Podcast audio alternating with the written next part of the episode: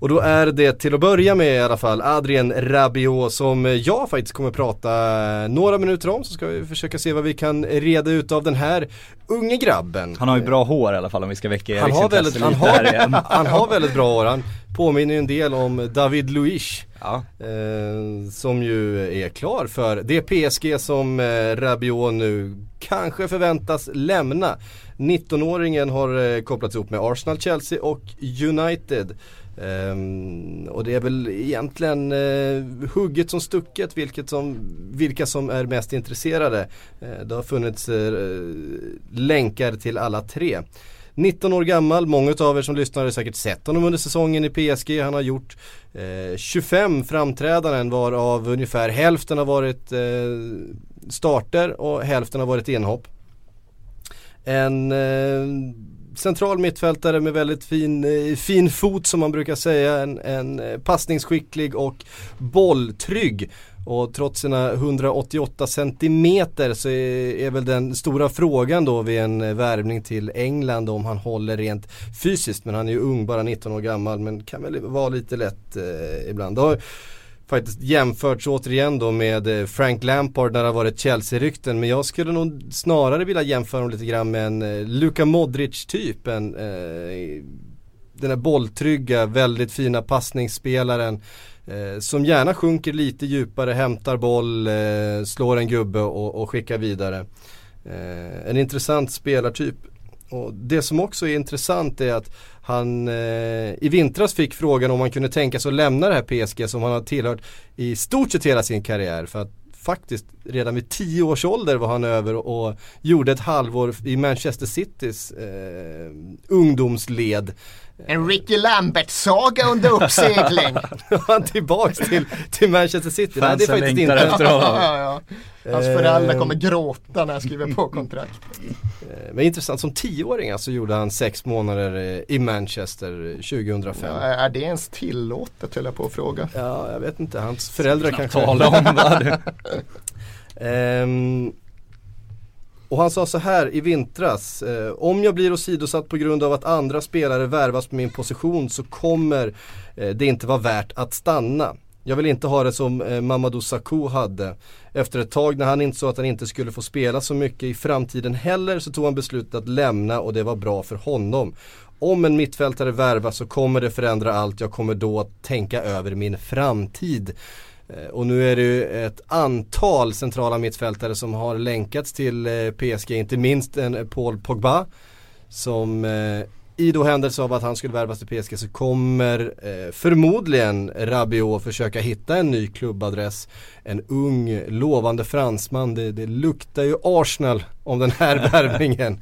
Eh, men som sagt även Manchester United och eh, Chelsea har ryktats. Vad av det ni har sett av eh, Rabiot den här säsongen, har ni imponerats? Alltså jag, gillar ju Rabiot, han är 19 år som du säger, extremt lovande. Har, han, han har det smygande steget som man blir lite förtjust i. Han ser lite nonchalant ut hela tiden.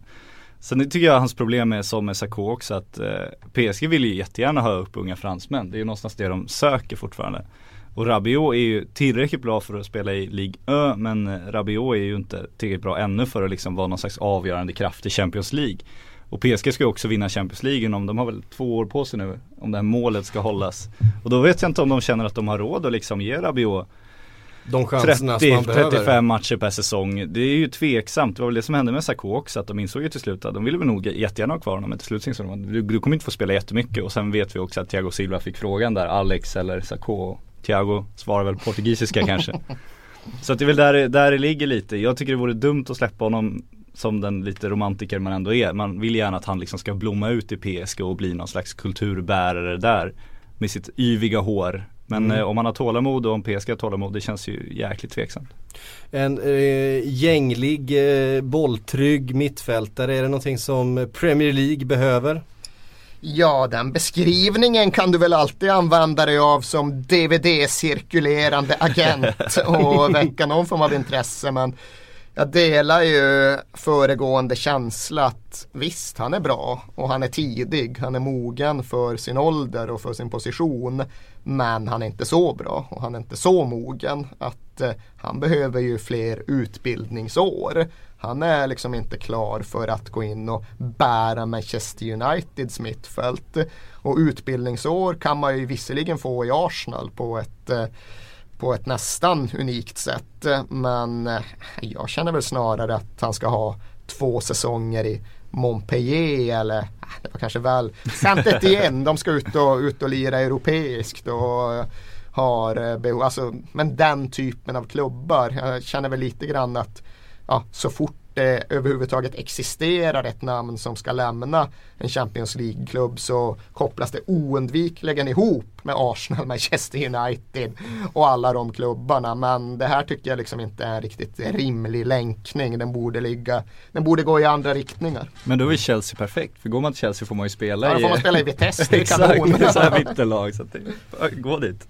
Ja, intressant. Hur bra det... blev Vitesse egentligen? De ska ut i Europa men kan de hela ska de ut och kvala till Champions League eller ska de spela med Europa League? Och... Så jag har ju släppt holländska ligan fullständigt Jag har släppt holländska ligan ja, efter att ha haft ett järngrepp ja, men För några år sedan hade man ändå stenkoll på svenskarna där. Nu är det ju knappt några svenskar där.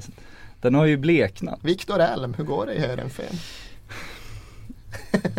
Tystnad, det är så jag beskriver. Det är så jag beskriver. Vi vet inte. Nej, jag tror det går, jag tror det, går, går helt okej. Okay. Jag tror det går 4 plus för Viktor Elm. Som det gör för alla svenskar hållen, vilket tyvärr inte betyder så mycket längre. Nej, man trodde, jag trodde mer om Viktor Elm, det måste jag erkänna. Det är mm. inte ett underbetyg åt hans prestation i Heren, för det bara att jag trodde han skulle prestera någon annanstans. Det, det var du nog inte ensam om. Eh, vi lämnar Rabiot där och sen så smyger vi upp vår bonus-scoutning eh, då. Nu nu saboterar eh, Erik Niva de här mikrofonernas ljudupptagning genom att trumma bordet. Eh, Patrik Sjögren, scenen är din. Ja, tack. Nu ska jag säga, jag har faktiskt försökt ta kontakt med en ung svensk tjej som bor i Monaco som eh, påstås ha kopplingar till Dimitri Seluk som vad, han vet, heter. vad vet man om de här kopplingarna? Jag är redan oerhört det, nyfiken. Det är det jag inte riktigt vet heller. Men hon har, jag har inte riktigt fått tag på henne än så det får bli en cliffhanger helt enkelt. Ja, det är... Vi får se ifall det dyker upp till, till, nästa vecka då. Ja, jag vågar inte lova det men jag har i alla fall gjort vad jag kunnat där. Men ja. det man kan komma fram till är att han är inte ryss utan han är ju från Ukraina. Och han hittar ju sin eh, kära Jaja som är hans enda spelare jag kan hitta att han har representerat. Han, han har varit ute och svingat om Mkhitaryan också men han ska tydligen inte vara hans agent utan han ville ha lite, jag, lite press bara. Jag har gjort lite, jag har in och lite med lite skugg-research. Ja, tydligen var det ju så att just när han var ute och svingade om Mkhitaryan så fick han ju typ hela armeniska mm. fotbollsförbundet efter sig. Då såg det som att det var någon form av krigsförklaring. Han skulle dela hela den armeniska ja. fotbollsfamiljen. De var oerhört varsamma gentemot att släppa in honom i sin miljö. Ja, förbundets present, äh, present, president i Armenien sa väl det att lä lämna armensk fotboll i fred, vi vill inte ha det här. Så det är en bra start. Det är en bra start, så han är lite kung över öst påstår han själv i alla fall. Det är därför hans enda adept är Yahya Touré. Yahya Touré, exakt. Men han, han hittade Yahya Touré i, i Beveren i Belgien, dit Yahya kom via sin akademi hemma i Elfenbenskusten som hade samma ägare. Han eh, tyckte att Belgiens eh, invandrarlagar var väldigt gynnsamma för att liksom skapa någon slags andra akademi och ta dit de här afrikanska spelarna så att de kunde anpassa sig till livet. Det är det många halvsköna agenter som har, som har tyckt tidigare också. Så är det.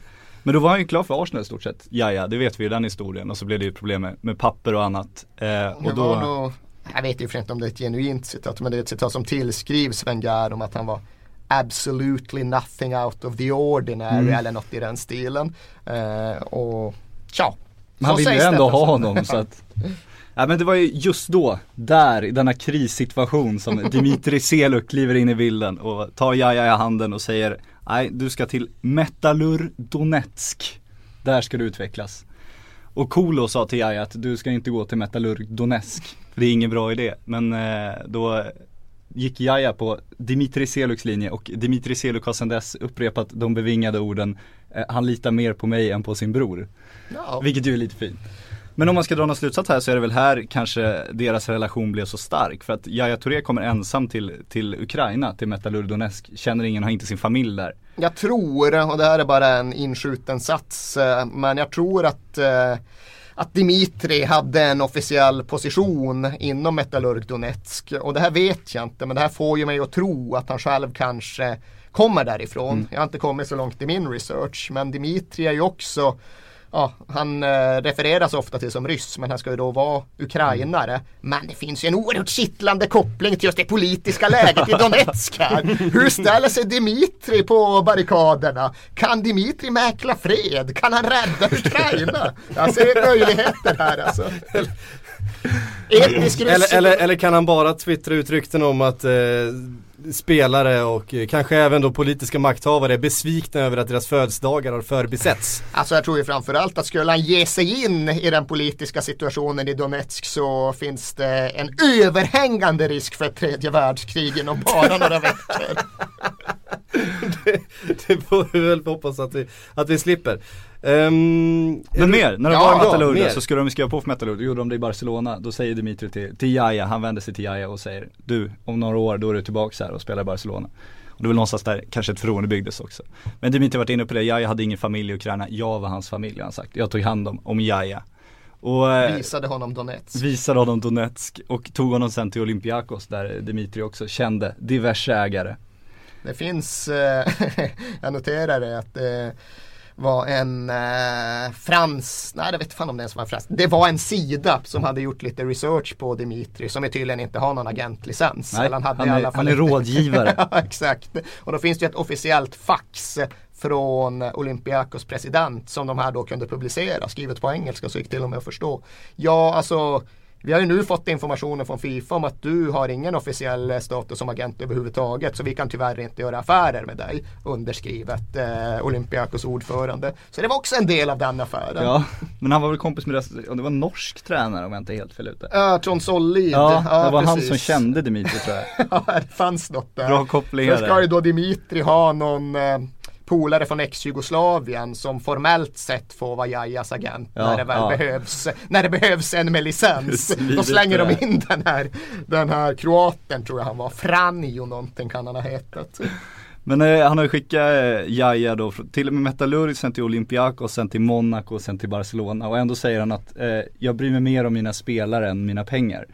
Vilket är intressant för om man tittar den här lilla, lilla klubbräckan så tror jag inte att han tänkte att Metallurg är nog utvecklingsstället som är, som är så klippt och skuret för för Yahya Touré. Ja men Metallurg, det var ju, det var ju hans hem. Det var ju där han skulle visa honom livet. Lära honom att bli en vuxen människa. Och plantskola Monaco sen. Nej, han, han gjorde nog lite cash på de där övergångarna. Men eh, om man ska liksom man kan skämta mycket om Seluk men han är ju så tajt med Jaja att Jaja alltså döpt sin andra son till Dimitri så att det, det, de kommer inte liksom klippa bandet nu. Alltså grejen är att jag noterade ju den där uppgiften och jag såg att till och med BBC hade ja. skrivit den som ett faktum vilket ju normalt sett brukar vara ja, en eh, garant för att det faktiskt stämmer. Men sen började jag kolla lite, okej okay, vad, vad har Jaja för barn egentligen? Och jag hittade, alltså, jag hittade inte ens uppgifter på att han har, att han har barn. Jag, jag också hittade... googlat men jag tänker också BBC, hallå. Vi har sprungit på samma dokument här tror jag. Jag hittar sannerligen inga bilder på Jaja med sin lilla son Dimitri. Nej, nej. De har jag, de har men man, man måste ju tro på det för man älskar ju namnet Dimitri Toré. Dimitri. Man älskar ju den killen. Ja, liksom. ja, ja, Fatta och undra, lära undra. känna honom när han växer upp. Det är Sigge Söder-klass på honom. Nej, det är långt mycket högre än så. Alltså. ja, men man undrar hur många med senegalesiskt pass som heter Dimitri i förnamn. Ja, det är ju legendariskt. Men eh, sen har han gjort sig ovän med han ja, gjorde sig ovän med Pep också ska vi säga. Det var ju påstås att det var lite därför Jaja försvann från, från Barcelona. Pep ska ha gått till Jaja och sagt så här, vi snackar ju alltid bra men, men vad fan säger din agent i media istället? Eller egentligen. Så han, han har tagit sina fighter förut. Men om vi ska återkomma till det politiska läget som ju är lite intressant ändå. Vi har ju ändå en ukrainare här som bor i Monaco. Som, vi har bara hittat att han representerar en enda spelare den spelaren har kanske gjort sin sista övergång. Då börjar ju pengafloden till Dimitri Seluk som bevisligen gillar the good life. Den börjar ju ta slut och situationen i Ukraina är ju inte så stabil. Där alltså, kanske inte finns så mycket pengar just nu att göra. Sen är det väl i och för sig så att han har med all säkerhet alla sina tillgångar i Monaco ifall det nu är där han hänger. Men borta i Ukraina Säg nu att han har några tillgångar där så de kan säkert absolut frysa inne. Exakt och liksom hans, eh, den, den bild som cirkulerar på honom, då sitter han ju framför en så här Chopard eh, stor background liksom och det är ett svindyrt klockmärke. Jaha, okay. Så han, han gillar ju liksom och, och flärden så att säga. Så ska man spekulera då att det kanske är lite knapert i Ukraina just nu. Han har nog extremt stora utgifter om jag ba bara går efter hans han är sugen, bilder. Han är sugen på ett, ett stort kontrakt till för Jaja. Exakt, han måste ju pumpa det, det sista nu. Han har ju två val. Han har liksom, det finns två scenarier här som eh, det ena, det ena eller andra måste bli verklighet. Antingen övergång för Jaja eller så måste han ju åka hem till Donetsk och styra upp liksom. Exakt. Och det är där man börjar bli orolig. det är där man ser att hans relation till Putin kan bli ett problem för oss alla. Så därför vi nästan hoppas att Jaja flyttar. Ja vi får fan lov att göra ja. det efter den här redogörelsen alltså. Eh, där hade vi våran scoutingrapport på Dimitri och på Rabiot.